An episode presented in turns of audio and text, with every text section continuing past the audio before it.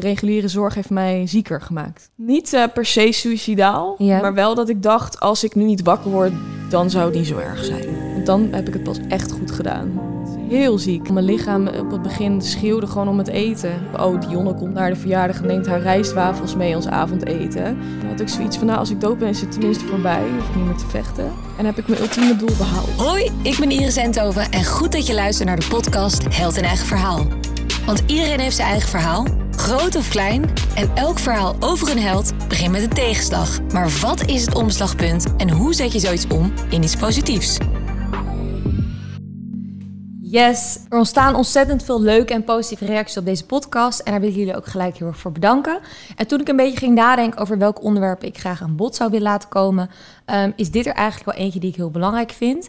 Ehm, de reden daarvoor is dat ik denk dat eh, in de leeftijd 15 tot 25 iedereen wel op een manier te maken heeft gehad in zijn leven, al dan niet zelf of misschien met een vriend of vriendin, eh, met eetstoornis anorexia.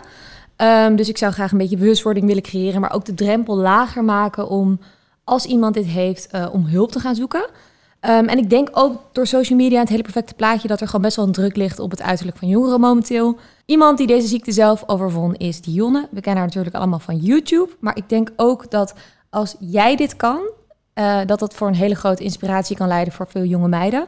Dus ik ben ontzettend blij dat je er bent. Dankjewel in ieder geval. Nou ja, dankjewel voor de uitnodiging. ja, you're welcome.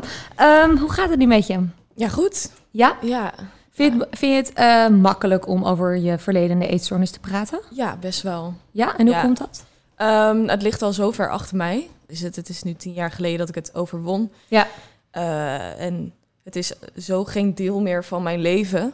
Voor mijn, mijn gevoel ben ik gewoon een heel ander persoon geworden. Ja, Dus het is ook alsof ik praat over, over iemand anders. ja of zo. voor zo'n ver verleden. Ja, ja. Want hoe ontstond jouw eetstoornis? Eh, mijn eetstoornis is ontstaan toen ik een jaar of dertien was. Ehm, als ik er achteraf op terugkijk, is dat heel geleidelijk gegaan. Dus ik was altijd het, het slangste meisje van de klas.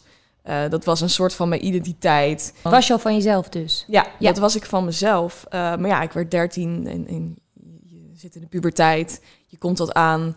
Ehm, ik had bijvoorbeeld een vriendje die zei dat ik aan het uitdijen was. Ja? Ja, misschien voor de grap, weet je wel. Maar op dat moment dacht ik van, oh, maar ik ben nu niet meer speciaal of zo. Het, het klinkt heel gek, maar dat was denk ik een beetje de trigger om bijvoorbeeld te stoppen met snoepen. Het ging Mhm. niet meteen naar het hele extreme bijvoorbeeld. Het was gewoon van, oké, ik moet misschien een beetje op mijn eten letten. Ehm, en natuurlijk komt dat voort uit eh, wat dingen uit het verleden. Wat maakt dat je daar zo in doorgeslagen bent. ja. En wat voor dingen in het verleden hebben daar bijvoorbeeld impact op? Ehm, bij mij eh, is het denk ik begonnen, eh, al- als ik terugdenk aan mijn jeugd, eh, bij de scheiding van mijn ouders. Mijn broer was bijvoorbeeld best wel een last vroeger. En Ja. ik, ik was altijd het lieve meisje. En, dus ik, ik probeerde mezelf heel erg op de achtergrond te houden. Er was heel veel drama, er was heel veel gedoe. Ik voelde me best wel onveilig af en toe. Ehm, en zo heb ik mezelf een soort van opgesloten in mezelf. En mijn emoties mochten er niet zijn. Ik schaamde me ook heel erg voor mijn verdriet bijvoorbeeld. En zeker toen ik een jaar of dertien werd, gebeurde er gewoon een hele hoop. Bijvoorbeeld een vriendinnetje van mij overleed, die eh, ook 13 was. Dat was mijn eerste sterfgeval en dat vond ik super heftig. Eh, kon daar echt niet mee omgaan. Eh, later heb ik ook nog wel wat mensen verloren, maar zoals toen, dat, dat was zo'n klap. Ja, dan ben je ook zo jong om dat te bevatten eigenlijk. Ja, ja, en dan, ja, ook nog gepest in hetzelfde jaar, Ja. heel erg. En, en dan ook nog eens een soort van bewustwording krijgen in je puberteit. Het was gewoon echt een heel moeilijke omslag van kind naar puber. Ja. En dan ga je op een gegeven moment ga je op je eten letten. En Ja. vanaf welk moment wordt het dan een beetje een obsessie? Nou ja, omdat ik dus mijn emoties niet echt heel erg goed kon uiten, ehm, werd het denk ik pas later, jaren later, een, een probleem. Het was altijd iets waar ik op lette, maar ik denk vanaf mijn zestiende dat ik pas echt ehm, het ben gaan gebruiken als manier om, om mijn emoties weg te drukken. Dus het was een, een manier, een, een, een probleem creëren wat nog groter was dan de problemen waar ik mee zat, zodat ik die problemen in ieder geval kon vergeten. Ja. Dat is echt het, het mechanisme wat er in jouw hoofd toen gebeurde. Ja, Was ik me daar, ja, overleven. Als ik me daarop focus, hoef ik me niet druk te maken verder. ja, ja, en dan zo'n grote obsessie maken dat, dat ik eigenlijk aan niks anders meer kon denken. Nee, en had je op dat moment ook zelf door dat het een obsessie was? Ja, Ja? ja ik, ik merkte heel erg van... Oh, maar ik ben nu een kilo afgevallen. En nu? Ik kan niet ineens weer normaal gaan eten. Nee, ik wil verder. ja. telkens je vlaggetje verder wegzetten en telkens de voldoening daaruit halen, ehm, ergens goed in zijn. Dat gevoel dat je, dat je eh, op- op- op- dat als mensen bijvoorbeeld je slecht uitvinden zien of vinden dat je bent afgevallen en mensen zeggen dat tegen je, dat voel je dat als een heel groot compliment. Ja? Dus Ja. als mensen zeiden van wat ben je afgevallen, dan zag je gelijk van dat is een compliment. Ja, zeker. Ja. En eh, waren er ook mensen op dat moment die zeiden je bent te veel afgevallen? Eh, op het begin was het misschien nog niet zo zichtbaar. Op het begin uit het zich in bijvoorbeeld heel lang niet eten en dan heel veel eetbuien krijgen. Ja. Ja, gewoon mijn lichaam op het begin schreeuwde gewoon om het eten. Ik stopte gewoon ineens met eten. Ja, en je lichaam die krijgt dan een suikerkick.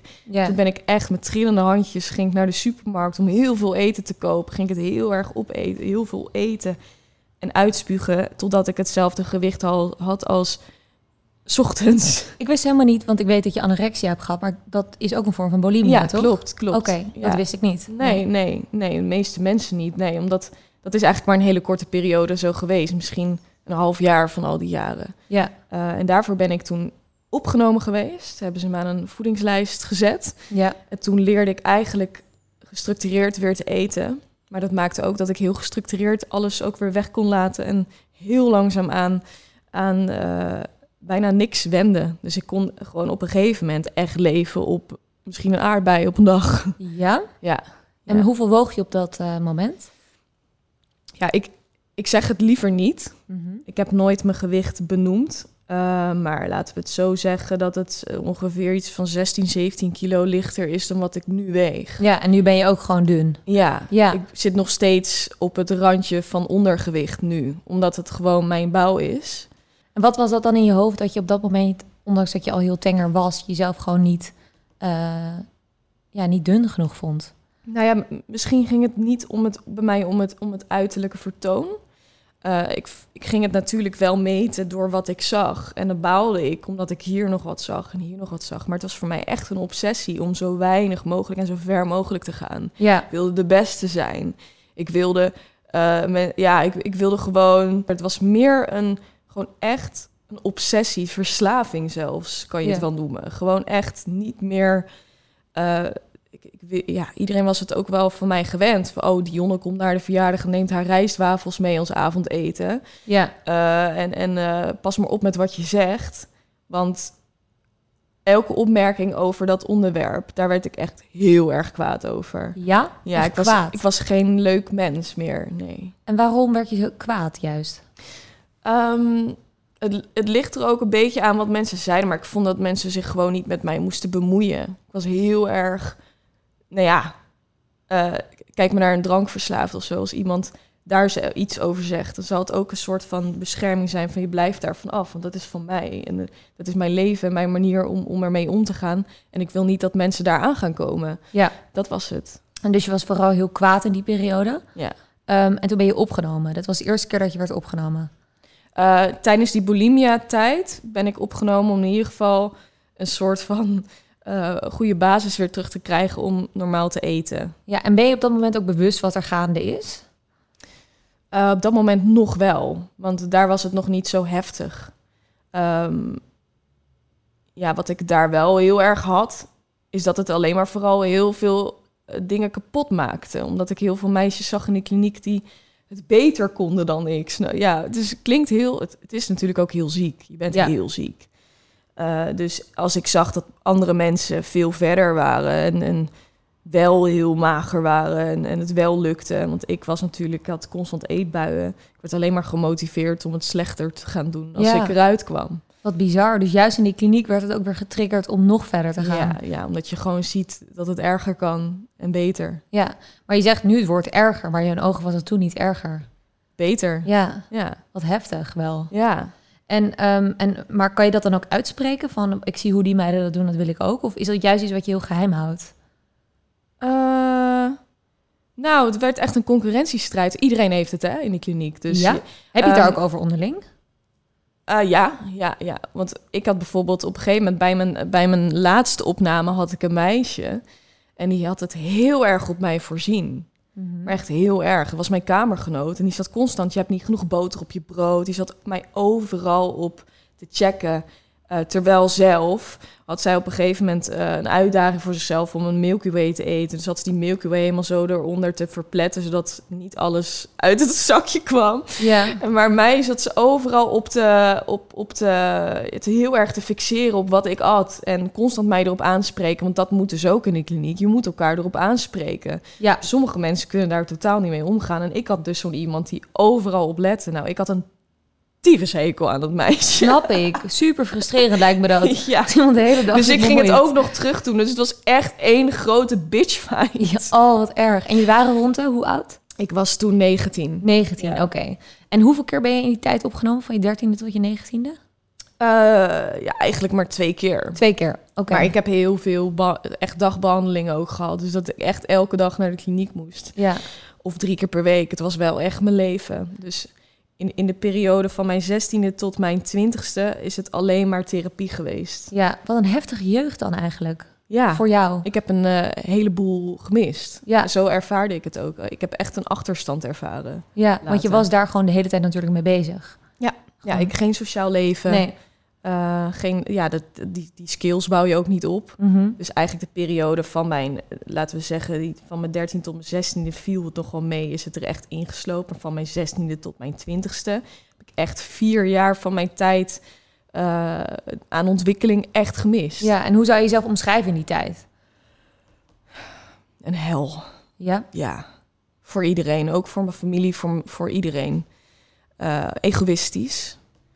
Ehm, eh, heel erg eh, de weg kwijt. Niet meer mezelf. Er was alleen maar eh, anorexia. In, eh, gewoon geen, niks, er was niks meer van mij over. Dus Nee. er was niks. en hoe, hoe, ja, hoe heeft je familie dat ervaren? Eh was heel heftig. Mijn moeder is, is een heel erg controlfreak. Dus die, daar is het echt wel heel moeilijk voor geweest. Want die, die, die- ja, die wil je gewoon natuurlijk in elkaar, door, door elkaar schudden en gaan gewoon eten. Ja, Ehm, ja, daar luisterde ik natuurlijk niet naar. Maar ik heb haar, bij wijze van spreken, echt gijzel genomen. ja in jouw ziekte eigenlijk. Ja, zeker. En ehm, kan je nog bepaalde gesprekken met haar herinneren uit die tijd? Ja, wij zijn elkaar echt... We hebben elkaar echt aangevlogen. Ja? We zijn echt... eh, er was geen leuke tijd. Nee. We waren ook eigenlijk helemaal niet zo eh, close... verbonden met elkaar. Helemaal niet. Nee, voor, Nee. voor beide was het natuurlijk super frustrerend, want jij zat in je ziekte. En zij kon er natuurlijk, zocht een manier om ermee om te gaan. Ja, ja en, en voor haar werd het ook weer een soort ongezonde obsessie of zo. Ja. ja. Ja. Want je kind eet niet meer. Ja, wat, wat ga je als moeder dan doen? Het was echt, eh, ja, het was echt knokken tegen Ja. elkaar. Ja, Wat kan je het beste doen als ouder? loslaten. En dat is heel moeilijk. Maar ehm, om zeg maar je, je ultieme low te ervaren, moet, eh, moet je iemand laten vallen. Echt op je bek laten, echt gewoon op je bek gaan. Dat is gewoon wat er met mij moest gebeuren. Ja, maar dat is ook eng als ouder, want daar, Ja. daarnaast staat ook dat als je echt te weinig eet, dat je gewoon kans hebt om dood te gaan. Je, kan- je kan doodgaan. Ja, Maar ik denk op het moment dat iemand je constant opvangt, ehm, dan gaat diegene zich ook niet realiseren hoe erg de situatie is. En ik dacht van nou, iedereen valt toch wel, weet je wel, iedereen eh, vangt me toch wel op. ja, Ehm, en eigenlijk was iedereen me een soort van aan het enablen, om het zo maar te zeggen. ja. En zo kon ik doorgaan met wat ik deed. In de jaar gaat het natuurlijk op en af. En hoe is het dan om weer een terugval te hebben, bijvoorbeeld? Bij mij ging het altijd met een, eh, een dalende lijn eigenlijk. Elke terugval werd erger. Want ik wilde mijn vlaggetje telkens weer verder wegzetten. Van, oh, het moet nog erger worden dan de vorige keer. Ik wil nog verder gaan. Dus dan ging het nog beter verbergen. Ehm, maar mijn laatste terugval was eigenlijk gewoon... Ik had scheid aan iedereen. Ja, Dus het boeide me ook niet of mensen het zagen. Of dat ik ging overgeven. Ik zei het bij wijze van spreken gewoon weer, ja, ik ga het nu uitkotsen. Het interesseert me niet wat je ervan vindt. Nogmaals, iedereen was gewend aan het feit dat ik niet mee at op verjaardagen of, of kerst of wat dan ook. Dat was één groot drama. ja, Ehm, maar iedereen was er op een gegeven moment gewoon op ingespeeld van zo is zij. Ja, laat haar. la- we laten het maar gewoon. Ik vind dat best wel iets lastig, want ik heb in mijn omgeving ook een vriendin gehad die, eh, waarvan ik gewoon zag dat het niet goed ging en dat ze een eetstoornis had. En niet wetende wat je het beste tegen iemand kan zeggen. Want je wil inderdaad, wat jij ook al zegt, bemoeien met je eigen zaken, weet Ja. je wel. Eh, maar anderzijds maak je ook zorgen. Ja, Dus dat is best lastig hoe je het beste kan handelen. klopt. Klopt, maar ik denk dat iemand daar niet, sowieso niet mee te helpen is. Je wil er wel voor iemand zijn, maar de, de enige die dit kan oplossen is, is degene zelf. Ja, Eh, want er, er is niemand die dat voor je op kan lossen. En alles wat jij eraan doet om iemand te helpen, kan ook averechts werken. Omdat diegene denkt van, nou, ik kan lekker eh, gewoon blijven doen wat ik wil. Ik ben, eh, ja, ik, ja. het wordt gezien. Het, het wordt toch opgevangen. ja, Dus je gaat pas echt aan iets werken op het moment dat jij niet meer anders kan. En denkt van, oké, ik loop zo erg vast. ja, En ik ga nu zo hard op mijn bek. Ik moet hiervan af. ja, Want dat is ook het ding met, met, met anorexia of met een eetstoornis. Je moet er vanaf willen. En die wil, die is er gewoon niet. Want dit is jouw wereld, dit is jouw identiteit. Het is jouw manier om met het leven om te gaan. Dus waarom zou je dat opgeven? En dat moet je realiseren. En om dat te kunnen realiseren, moet je gewoon echt onderuit gaan. ja. Hoe zou jij anorexia omschrijven? Ik zie het echt als, als een verslaving. Vond je jezelf ook mooi in die periode? Nee. Wat ik in de spiegel zag, ehm, dat was mijn maatstaaf. Want het kan nog erger. Ja, kan nog minder. Want eh, ik zie hier en hier wat. Maar dat is eigenlijk bijzaak. Dat is misschien hetgene waar heel erg op gefocust wordt. Maar dat is niet de kern van het probleem. Ehm, het is meer de uiting. ja. Ja. En ehm, als je nu terugkijkt, voordat we het straks gaan hebben over je omslagpunt, dus de, de kliniekbezoeken die je van je dertiende tot je negentiende had, ehm, kreeg je daar echt goede zorg? Ik vind van niet. Nee? De reguliere zorg heeft mij zieker gemaakt. En in welk opzicht? Ehm, wat zij heel erg tegen mij zeiden is van je bent niet, eh, ten- tenminste je bent ziek, je kunt er niks aan doen, voel je niet schuldig. Want ik voelde me natuurlijk gewoon af en toe heel erg kloten tegenover mijn moeder. Eh, ik had die besefmomenten wel. Ja, dat eventjes de echte Dionne weer eventjes naar boven kwam en realiseerde van shit, waar ben ik mee bezig? Maar dat drukte zij de kop in. Zo van, ah, ik kan er niks aan doen, voel je vooral niet schuldig. En ehm, ja, en dan? Dan hou je het toch in stand. ja, want het is dan niet jouw, zeg maar, het, het staat dan van Het je is- vanaf. Het is goed dat ik me schuldig voel. Ik mocht me ook schuldig voelen, want dit is wel wat ik iedereen heb aangedaan. Ja, Op het moment dat ehm, dat, dat wordt verzacht, dan, dan ga je er gewoon maar mee door. Want ik kan er toch niks aan doen. Ik ben toch ziek. Dus wat ga ik er dan aan doen? Alle reden om gewoon achterover te gaan zitten en, en gewoon lekker te denken van, nou ja, ja. laat het er maar zijn dan. Als je terugkijkt op die periode, heb je dan ook één specifiek moment wat echt telde als een dieptepunt? Ja, vond ik heel erg. Ik had mijn streefgewicht gehaald. En eh, omdat ik natuurlijk altijd onder het lijntje heb gezeten, eh, had ik mijn streefgewicht gehaald. Ik was heel blij, want ik zat op een onmogelijke voedingslijst. Echt, ik moest eten als een of andere bodybuilder. Ja. Ehm, ik bedoel, zoveel zou ik nooit normaal eten. Eh, dus ik was echt volgestopt, volgestampt. En toen gingen ze ineens in de vergadering kijken of ik nog drie kilo moest aankomen. Terwijl ik zat daar, ik had mijn streefgewicht gehaald. Ik zat daar al een half jaar. Ja. En ineens wordt er vergaderd. Dat was mijn grootste nachtmerrie, want ik zat er al. Ik heb echt heel hard moeten werken om op dat gewicht überhaupt te komen, omdat het al hoog was voor mijn doen. En toen wilden ze, weet je, het is gewoon, dat, dat was voor mij echt eh, het punt dat ik dacht, ik ga nu weg. Ik pak mijn spullen en ik ben weg. Mag je zelf daar weggaan? Dat mag, maar dan hoef je ook niet meer terug te komen. Hoe werkt dat? Nou ja, je zit daar wel. Ik ben niet gedwongen opgenomen. Ik deed wel, omdat ik echt niet zo goed wist eh, hoe ik anders Ja, hoe verder ik het anders het moest leven. doen. Ja, want ik zat daar gewoon in therapie. En ik deed het ook voor mijn ouders. Ik deed niet specifiek voor mezelf. Nee. Ehm, maar het leven van mij was gewoon leven als patiënt. Dus ik zat daar gewoon. En eh, ja, ik zat toen wel... Ik, toen heb ik echt wel een dieptepuntje gehad. En mijn allereerste dag dat ik naar huis mocht... dat was ook, zo'n, eh, dat was ook best wel heftig. Ehm, mijn, mijn tweede opname... toen eh, mocht ik mijn eerste nacht naar huis met oud en nieuw. Ja. En eh, ik had het heel erg koud vanwege mijn ondergewicht. Dus ik eh, had toen een vriendje en die maakte een kokend hete water... kokend heet... Ja. Shit, hoe zeg je dat? Zo'n kruik- kruik. Ja. Zo'n kruik met kokend heet water erin. ja. En daar ging ik dus mee naar bed. Het was oud en nieuw en hij spat open Oh nee. over me heen. En toen Oh. lag ik alsnog in het ziekenhuis. Oh, met brandwonden, ja. met oud en nieuw. Enige eerste Niet avond dat van het vuurwerk. Nee. Enigste eerste avond dat ik thuis kwam. En toen ben ik in één dag tijd 6 kilo aan vocht aangekomen door die wonden. Ja, ja. Omdat ik een eiwittekort had ook. En toen ging ik echt als een of andere hele bolle eh, naar de kliniek toe. Ja, en toen dacht ik echt... eh, Maar kon je dat toen plaatsen van dit is 6 kilo de vocht? Of zat je gelijk weer te rekenen van ik moet afvallen? weet je wat het is? Ik was 6 kilo aan vocht aangekomen. En ik moest ook nog eens... Ik zat net in de kliniek. Ja, net, net een maand. Dus ik zat ook nog op een laag gewicht en ik wist niet wat ik aan zou komen op het moment dat ik dat die voedingslijst door zou eten. Dus ik schoot ontiegelijk in de stress van wat gebeurt er nou echt? ja. Want dat vocht, dat was er, maar ik moest ook nog veel eten. Eten, ja. Dus ja, dat lukte toen niet, nee. Je had Nee. het net over dat je het koud had. Welke ongemakken komen nog meer erbij kijken? Bij Oh, anorexia. Wat niet, ik was futloos. Eh, ik voelde geen emotie, wat op dat dus een hele fijne bijwerking was. Ja. eigenlijk. Ehm, ja, ik had heel veel pijn in, in mijn spieren en in mijn gewrichten. Heel erg chagrijnig. Ja. Ehm, vooral heel vlak. Heel erg niet aanwezig. En qua lichaam, eh, eh, lichaam eh, ja, wat was het ook alweer? Lage temperatuur. Mhm. Ik zat echt op een gevaarlijk lage temperatuur. Kaliumtekort kan zo over zijn eh, als je kaliumtekort hebt. Het, het leven kan zo over zijn. Ja. ja. Ben je wel eens bang om dood te gaan? Was ik toen bang om dood te gaan Ja. of nu? Nee, toen? Sorry. N- nee, Nee? nee, nee, absoluut niet. Nee, het, het, het- het maakte me zelfs eigenlijk... Ja, ik lach er nu om, het is eigenlijk helemaal niet grappig. Maar ik was totaal niet bang voor hetgeen wat, wat ik mijn lichaam aandeed. Eigenlijk ehm, had ik zoiets van... Nou, als ik dood ben, is het tenminste voorbij. Hoef ik niet meer te vechten. En heb ik mijn ultieme doel behaald.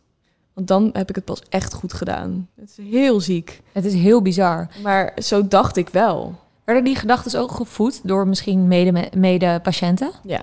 Ja? Vooral heel erg concurrentie. Dat is gewoon het ding. Ja. Heel erg concurrentie. En heel erg jaloers. Eh, want je, je ziet dat iemand bijvoorbeeld water drinkt voor het wegen. Ja, dat wil jij dan ook doen. Je voelt je eigenlijk schuldig op het moment dat je iemand ziet smokkelen. Dat jij dat niet doet. Ja. Dus je neemt het over. Je, je vergroot het van elkaar.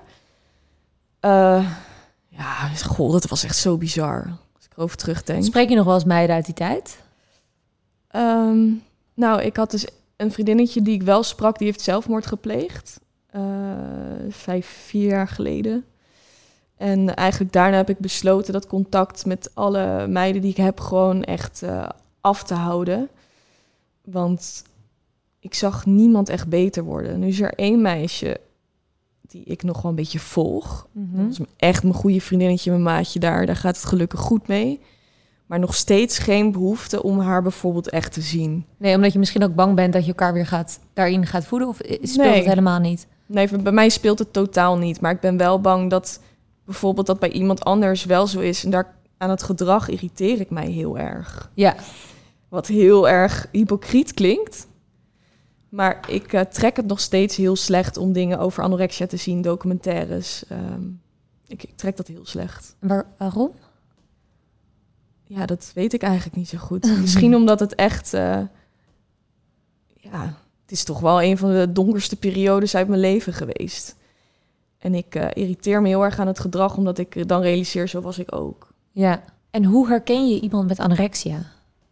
Ja, dat kun je eigenlijk misschien aan de buitenkant vaak niet eens zien. Want Nee. het hoeft niet zo te zijn dat iemand al op een dieptepunt zit en graadmager is. Het kan ook gewoon in iemands hoofd zitten. Ja, dat is het vooral inderdaad. Tenminste, zo, zo Ja, kan ik er ook tegenaan kijken van ik vind het zoiets psychisch. ja want ik was op een gegeven moment gewoon zo en ik kwam de kliniek uit. En eh, ik had nog steeds anorexia. Ja, want het zat nog in je hoofd. Ik was nog steeds mee bezig, ja. Wat is voor jou het omslagpunt geweest? Nou ja, mijn, eh, mijn laatste opname. Nou, echt een hele erge terugval. Ehm, ging ik dus naar huis. En eigenlijk was het plan al compleet. Weet je, ik ga naar huis en ik zorg ervoor dat die kilo's er gelijk afgaan. Er was niks in mijn hoofd veranderd, want dat was het. Kliniek wordt alleen maar gekeken naar hoe voel je erbij dat je dit patatje moet eten. En voor de rest is er niet bij mij geschept van hé, Waar komt het vandaan? waar komt het vandaan? Ja. Eh, wat is er in je jeugd gebeurd? Totaal Dus niet. ze zijn eigenlijk puur gefocust op fysiek. Je moet dit target aankomen en dan mag je. Symptomen bestrijden. Ja, Gewoon mezelf, ze hebben me volgepropt. En ja, wat gebeurt er nou met je op het moment dat je huilend voor een bounty zit? ja. Ja, daar heb je niet zoveel aan. Nee, daar gaat het ook helemaal Daar niet gaat het om. helemaal niet om. Het zit veel dieper dan dat. En dat is in een kliniek niet, eh, niet naar voren gekomen. Niet dat ik de reguliere zorg daarin helemaal wil afbranden. Maar ik heb daar geen goede dingen in ervaren. Bij mij is het echt alleen maar erger geworden. Ja. Ja, dus wat eh, mijn moeder had gedaan als laatste hoop... is eh, Family Matters aanschrijven. En dat was destijds een heel erg populair programma. Ja. eh, met Keith Bakker. En hij, hij deed natuurlijk eerst van etter tot engel. Dus hij ging hele moeilijke jongeren meenemen op, op trip met hun ouders. En probeerde hun daar tot eh, bezinning te laten komen. Ja, en dit keer was het seizoen met eh eetstoornissen en gameverslaafden. En ik mocht mee. Ik werd uitgekozen. ja. En ik denk van ja, oké, dit is misschien wel de kans die ik moet grijpen. Want eh, ik zat zo erg in het zorgplaatje vast. Ik was zo erg een patiënt. En dit was dan eigenlijk wel weer een avontuur. Ik dacht van nou, we zullen zien wat dit voor mij doet. ja, dus je was het er gelijk mee eens. Ja, het was ook e- wel echt een beetje de laatste strohalm. Ja. Want ik had alles wel geprobeerd. ja, dus als dit hem niet ging worden, was je daar ook bang voor? Nou ja, ik, ik was het zat. Ik was Ja. het leven gewoon zat. Maar ik wilde er ook niet vanaf. Weet Nee. je, het was echt een, twee, een tweestrijd van... oké, ik kan eigenlijk helemaal niet door op deze manier... maar ik wil ook eigenlijk niet van mijn anorexia af. Nee. Heb jij ooit suïcidale gedachten gehad in die periode? Niet eh, per se suicidaal, Ja. maar wel dat ik dacht... als ik nu niet wakker word, dan zou het niet zo erg zijn. Oké. Zo van, dan zou ik er niet zo... Ja, weet je wel, van... ik zou het niet zo zelf zozeer, zeg maar, doen... Ja, Maar op het moment dat mijn lichaam het op zou geven, dan boeide het me niet zoveel. nee. Dus ik was ook helemaal niet eh, daarmee bezig van, goh, wat doet dat voor mij allemaal? Ja. En toen eh, ging je naar het programma? Ja. Ja. Nou, dat was heel heftig. Ja, want dan, je gaat ervan lachen. Ja, ik moet er gewoon om lachen, omdat het zo... Weet je wel, ik kwam daar echt als zo'n zo'n bijna perfecte anorexia-patiënt. Kwam Ja. ik daar aan. Ze van, nou, ik had alle maniertjes. Ik wist precies iedereen te manipuleren. Ja. Ik was gewoon zo'n... Ik had gewoon geleerd perfecte anorexia-patiënt te zijn van alle andere meisjes in de kliniek. En dat klinkt misschien heel raar. Ja, Maar je bent gewoon op een gegeven moment... Ben je dat gewoon. ja, Dus eh, wat Keith eigenlijk als eerst tegen me zei was... je bent niet ziek, you're full of shit. Dus eh, je doet dit zelf en je hebt het zelf in de hand... en jij kan kiezen welk pad je gaat bewandelen. Dus of je gaat dood en dan kies je ervoor... maar dan gaat iedereen jou om je heen laten vallen... Ehm, dan sta je er helemaal alleen voor, want je kan niet meer iedereen dit aandoen. Of je kiest ervoor om het juiste pad op te gaan en voor het leven, dan moet je het loslaten en beloven dit niet meer te doen. Het is echt een knop. En op het begin had ik echt zoiets van, ja, ik, ik heb hem gewoon uitgelachen. ja. En echt, ik werd kwaad ook. Zo van, hoe durf je dit te zeggen? Ik ben ziek. Ik, ben, ik kan hier niks aan doen. Ja, want dat heb jij te horen gekregen in de klinieken. Ja. Ja, En hij heeft daar wel, nou, het was hard. Heel hard. Maar dat hielp mij wel. ja, Want op den duur is hij echt een spiegel bij mij voor gaan houden van hier, dit is waar jij mee bezig bent. Iedereen is, zeg maar, gijzel ge- eh, genomen door jou. Iedereen maakt zich druk. Jij loopt op het spoor zo van hallo, joehoe, straks komt de trein. En iedereen is jou ervan af aan het trekken. Weet je wel, op een gegeven moment houdt het een keer op. Mensen moeten jou los gaan laten. Op het, en dan ga je maar gewoon echt kaart op je, op je bek. En misschien realiseert je dan, of nu. ja, En dan ga je er nu met ons aan werken. Dus wat wordt het? ja. En welk moment kwam voor jou dat besef? Uh, mijn moeder heeft een brief geschreven dat ze me echt zou laten vallen. En wat eh, gewoon ook echt, zeg maar, heel gedetailleerd wat ik haar had aangedaan. Ehm, en ik voelde me echt een monster. Eh, omdat ik echt realiseerde van, goh, ik, ik doe zoveel mensen pijn. Ja, En eh, dat, dat, ik voelde mezelf, ik wilde echt niet zo zijn. Dat, ik, ik, ben, ik was eigenlijk juist nooit zo bewust ervan. ja, Dus omdat iedereen tegen me zei, je kan er niks aan doen, je bent ziek, dit overkomt je. Terwijl, ja, nee, ik doe het wel zelf. Ik kies hier wel voor. En hoe erg ik er ook in verstrikt zit. ehm, en hoe erg het me ook niet lukt om daaruit te komen. Dit is wel de waarheid. Dit is wel iets waar ik al die jaren mezelf in heb verwoven. Ja. En was het toen ook gelijk makkelijker? Was het echt voor dat moment de brief van je moeder dat je het makkelijker kon omzetten? Of had dat ook weer een proces nodig? Nou, dat was heel, heel veel janken. Ja. Ja, en heel veel. eh, ook wel eerst een soort van. Ja, gewoon heel erg veel schaamte voelde ik. Zo van: oh, Het is mijn schuld. het is mijn schuld. Ja. En wat ga. Ja, weet je, ik, ik dus eerst heel erg verdrietig erom zijn. En later proberen eh, het om te zetten van: oké, maar dan, dan stopt het hier. En toen heb ik op een gegeven moment die keuze gemaakt. En ik voelde me ook. Ik voelde ook dat ik daar 100% achter stond. En dat is eigenlijk het aller, allermoeilijkste bij dit. Is om die knop om te zetten en die keuze te maken en ervan af te willen zijn. Ja. Want je wilt het niet. Ik zei ook aan het begin van die behandeling, hij zei van wil je eraf? Ik zeg, denk het niet.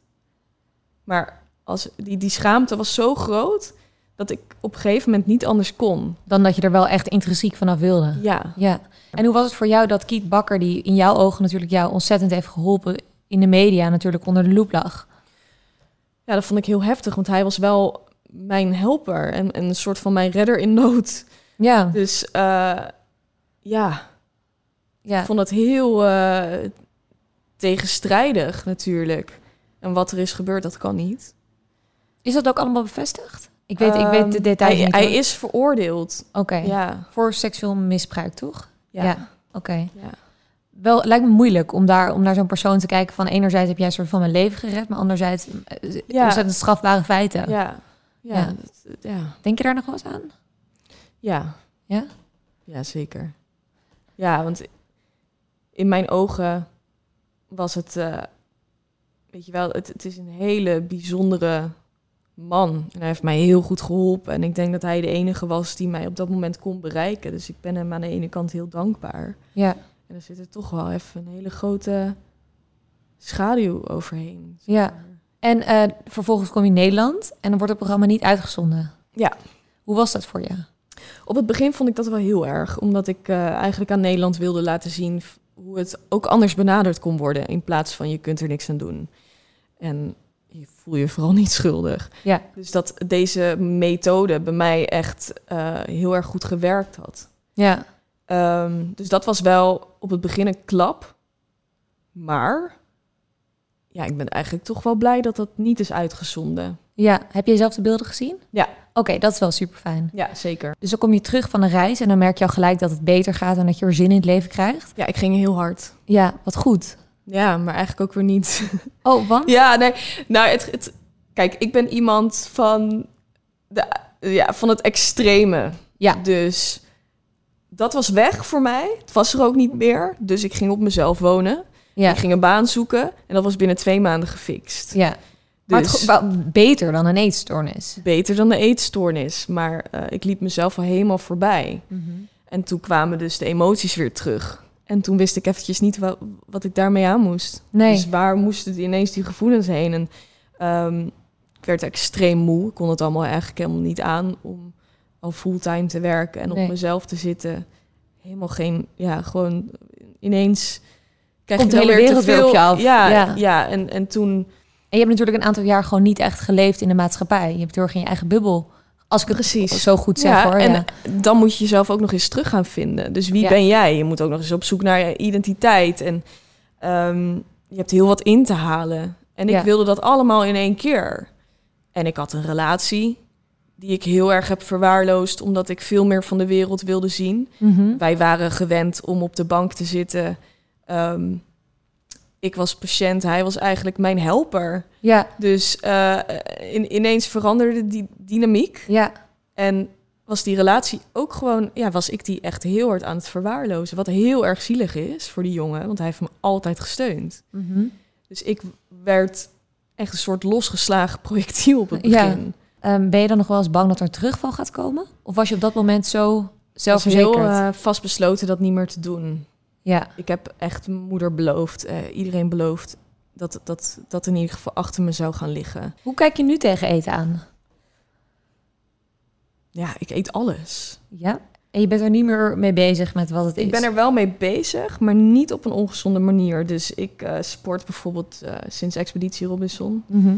Eh, en ik ben eigenlijk wat gezonder gaan eten, omdat ik echt alleen maar aan het snoepen was, juist. Ja, want Expeditie Robinson is ook best wel een bepaalde proef voor je lichaam. Ja. Daar kom je eigenlijk weer terug op het niveau dat je weinig eet. Want Ja. hoe was dat?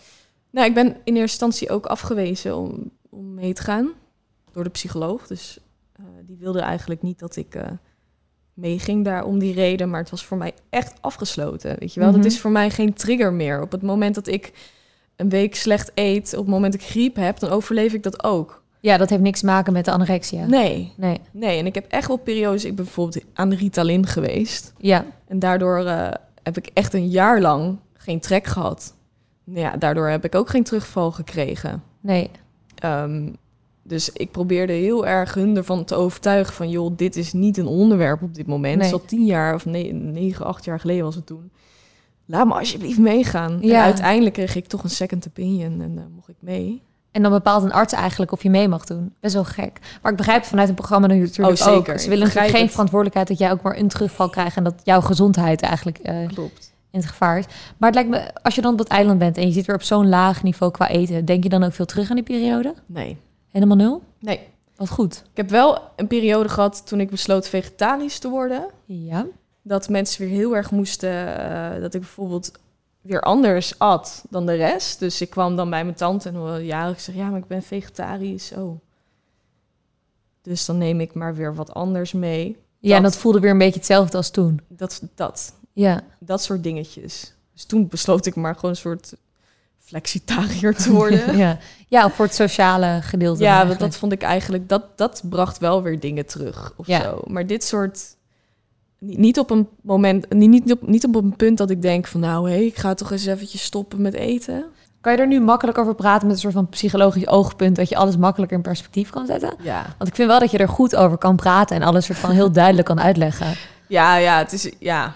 Ja, Ik heb alles ook vastgelegd, opgeschreven in die tijd. ja, Ik bedoel, het, is, het, zit, het zit nog wel heel helder in mijn hoofd. Maar het is echt een heel ver verleden voelt het. Het voelt niet alsof ik over mezelf praat. Want er zijn mensen die zeggen dat je anorexia nooit kan overwinnen... en dat het altijd in je hoofd zou blijven.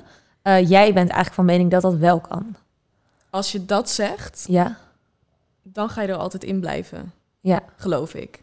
Ik geloof dat als jij zelf gelooft van, oh, kom je nooit meer vanaf, dan kom je er nooit meer vanaf. nee, Maar ik geloof erin dat op het moment dat je zegt van, hé, hey, ik, ik kan het wel, dan is dat echt wel te bereiken. Ik ben er van afgekomen. ja, Misschien vul ik mijn leegtes met andere dingen op. ja, En daar moet ik ook wel weer aan werken. Maar mijn anorexia is echt wel verleden tijd. Wat ik zelf wel eens merk aan iemand in mijn omgeving...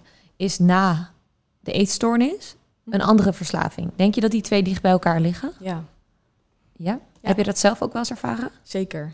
Ik ben eigenlijk nog steeds leegtes aan het opvullen.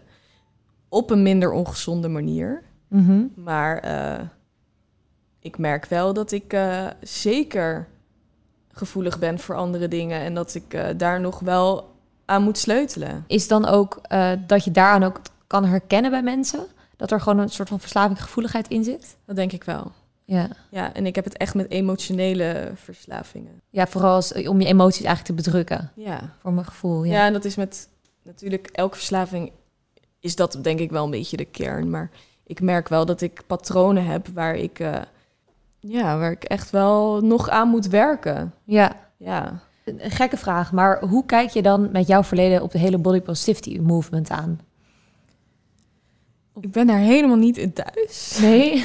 Maar ehm, ja, eigenlijk zou er geen movement voor nodig moeten zijn, snap je? Ja. Het moet gewoon vanzelfsprekend zijn dat iedereen gewoon mag zijn wie hij en zij wil zijn. Ik vind het heel goed hè, dat er aandacht voor is. Maar het schiet soms ook wel de andere kant op. Zoals jij slank bent, Ja. dan, dan is het ook weer niet goed.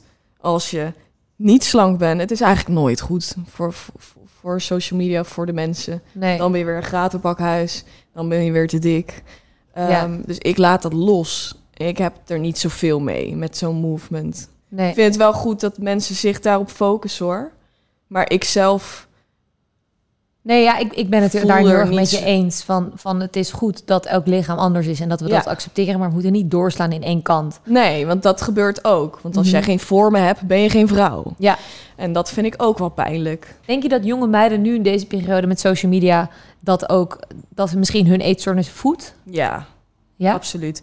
Ehm, misschien niet eens een eetstoornis, maar waar ik heel erg bang voor ben, is eh, de industrie wat betreft plastische chirurgie. Ja.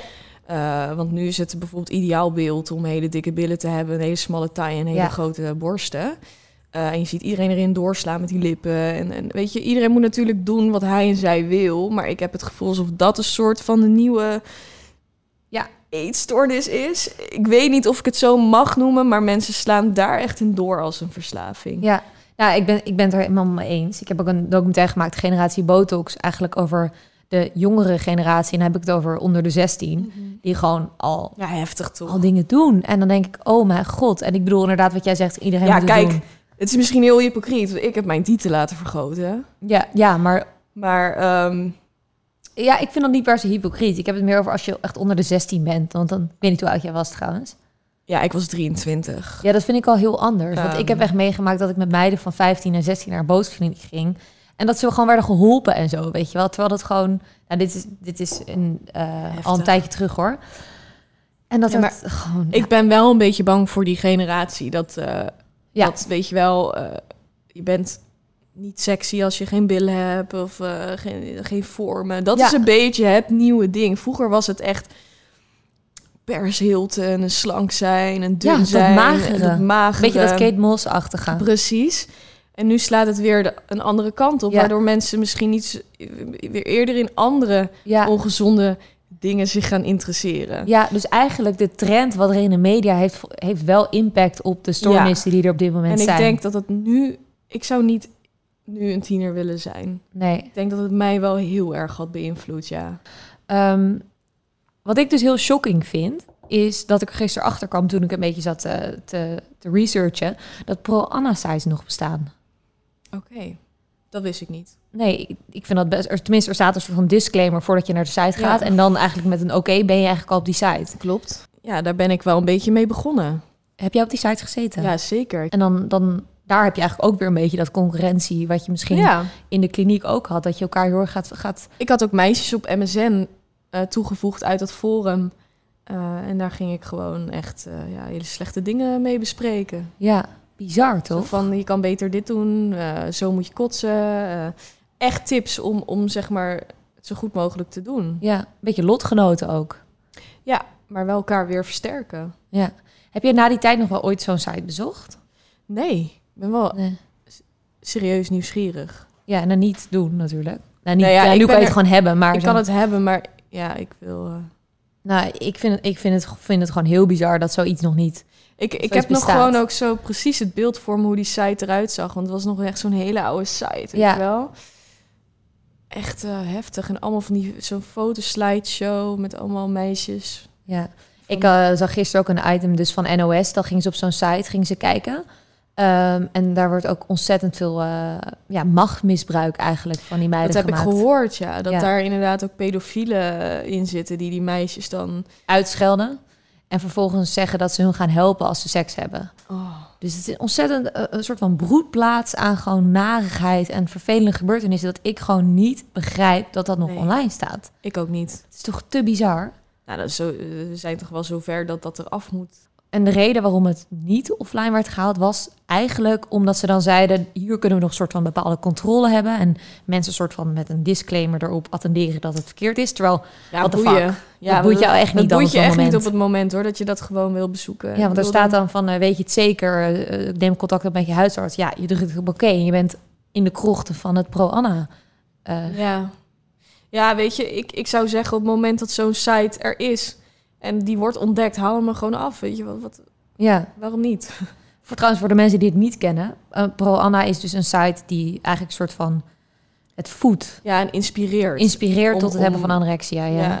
ja, wij hadden van die foto's noemden van Tinspiration. Dat is ook heftig. Ja, heel heftig. Ja. Heb je dat ook opgezocht?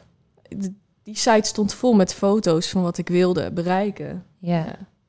Die termen zijn trouwens nu wel geband hè, op eh, Instagram. Ja. Maar Zo, goed, ook dat maar. kan je wel weer omzeilen, weet je. Want dan is er wel weer een eh, andere term die je kan zoeken. Ja, Ik denk dat we misschien ook vanuit de overheid... dat ze daar gewoon veel strenger op moeten zitten. ik vind dat ook. En niet dat je daarmee het probleem per se aanpakt. Want op het moment dat iemand anorexia heeft... eh, of echt Ja. daarin zichzelf verliest... dan maakt zo'n site het wellicht erger. En jij hebt het dan over waarom het bij jou erg is geworden... juist doordat je met Ja. zoveel mensen het over had... en een soort van concurrentie had... en elkaar kon controleren en Ja. elkaar kon helpen. Daardoor is gewoon- wel erger. Ja, en Ja. dat is gewoon wat er nu online gewoon gebeurt. Ja, ik vind dat heel erg. Ja, zeker. Wat zou jij jonge meiden willen meegeven die te maken hebben met een eetstoornis? Oh, wow, ja.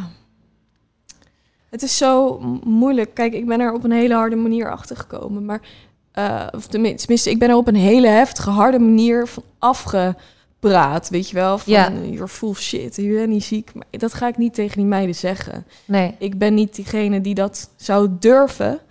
Maar Zou je het willen?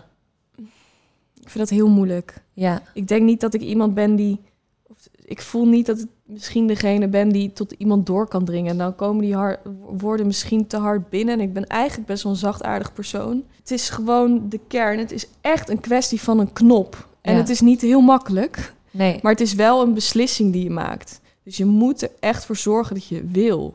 Ja. Dat je er af van wil komen. En om te zorgen dat je eraf van wil komen, moet je eigenlijk een beetje gaan graven meer, denk ik, van Gaan graven. waar het aan ligt. En ook meer psychologische hulp zoeken misschien Ja, dan, dan precies. gelijk met je ouders die denken, oh, we gaan gewoon naar kliniek en dan wordt het wel opgelost. Ja, precies. Dus misschien ook een stapje verder willen gaan en je daarvoor openstellen. Ik kan het niet zeggen, want ik spreek niet uit ervaring. maar ik probeer een beetje denk- samen te vatten wat ik jij... denk eh, dat je echt moet kijken naar de kern. En op het moment dat jij merkt in, in- en je gaat hulp zoeken en je komt bij meisjes terecht en dat triggert je, ehm, is dat heel fijn voor je eetstoornis. Ja, Maar probeer dan eerlijk naar jezelf te zijn en te denken van oké, nee, ik ga één op één therapie nemen of wat dan ook.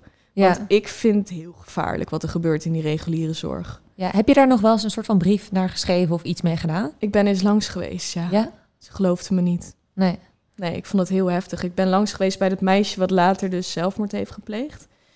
Eh, en ik kwam daar in de kliniek om te laten zien van... Hey, het gaat supergoed met mij. Nou, het eerste wat ze zeiden, je bent wel erg dun. Ja, dus je wordt gelijk weer een soort van... Ja, Ja. maar ik zeg van ja, het gaat supergoed met mij. Ik heb nergens last meer van. Ik heb echt de keuze gemaakt. Maar ja, dat was het ook. Hè? Want toen ik daar eh, die kliniek verliet... toen was al het plan om naar het buitenland te gaan met dat programma. Mhm. En eh, toen hebben ze letterlijk tegen mij gezegd... denk je nou echt dat jij er vanaf gaat komen op die manier?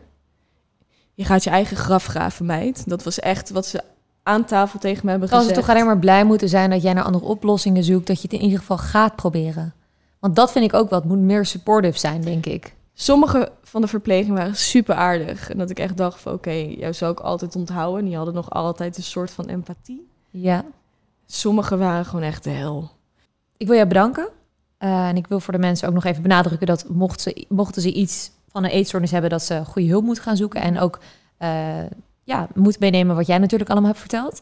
Ehm dankjewel, lieverd. Ja, jij ook bedankt. Een mooie open gesprek. ik vind het wel spannend. ja, Ja, echt. ik vind het echt heel, eh, heel mooi. Echt, thank you. Jij ook bedankt. Dit was hem dan, de podcast Held in Eigen Verhaal. Laat me weten wat je van dit verhaal vond. En vergeet natuurlijk ook even niet te volgen, zodat je op de hoogte bent als er een nieuwe aflevering online komt. Bedankt voor het luisteren en tot volgende week.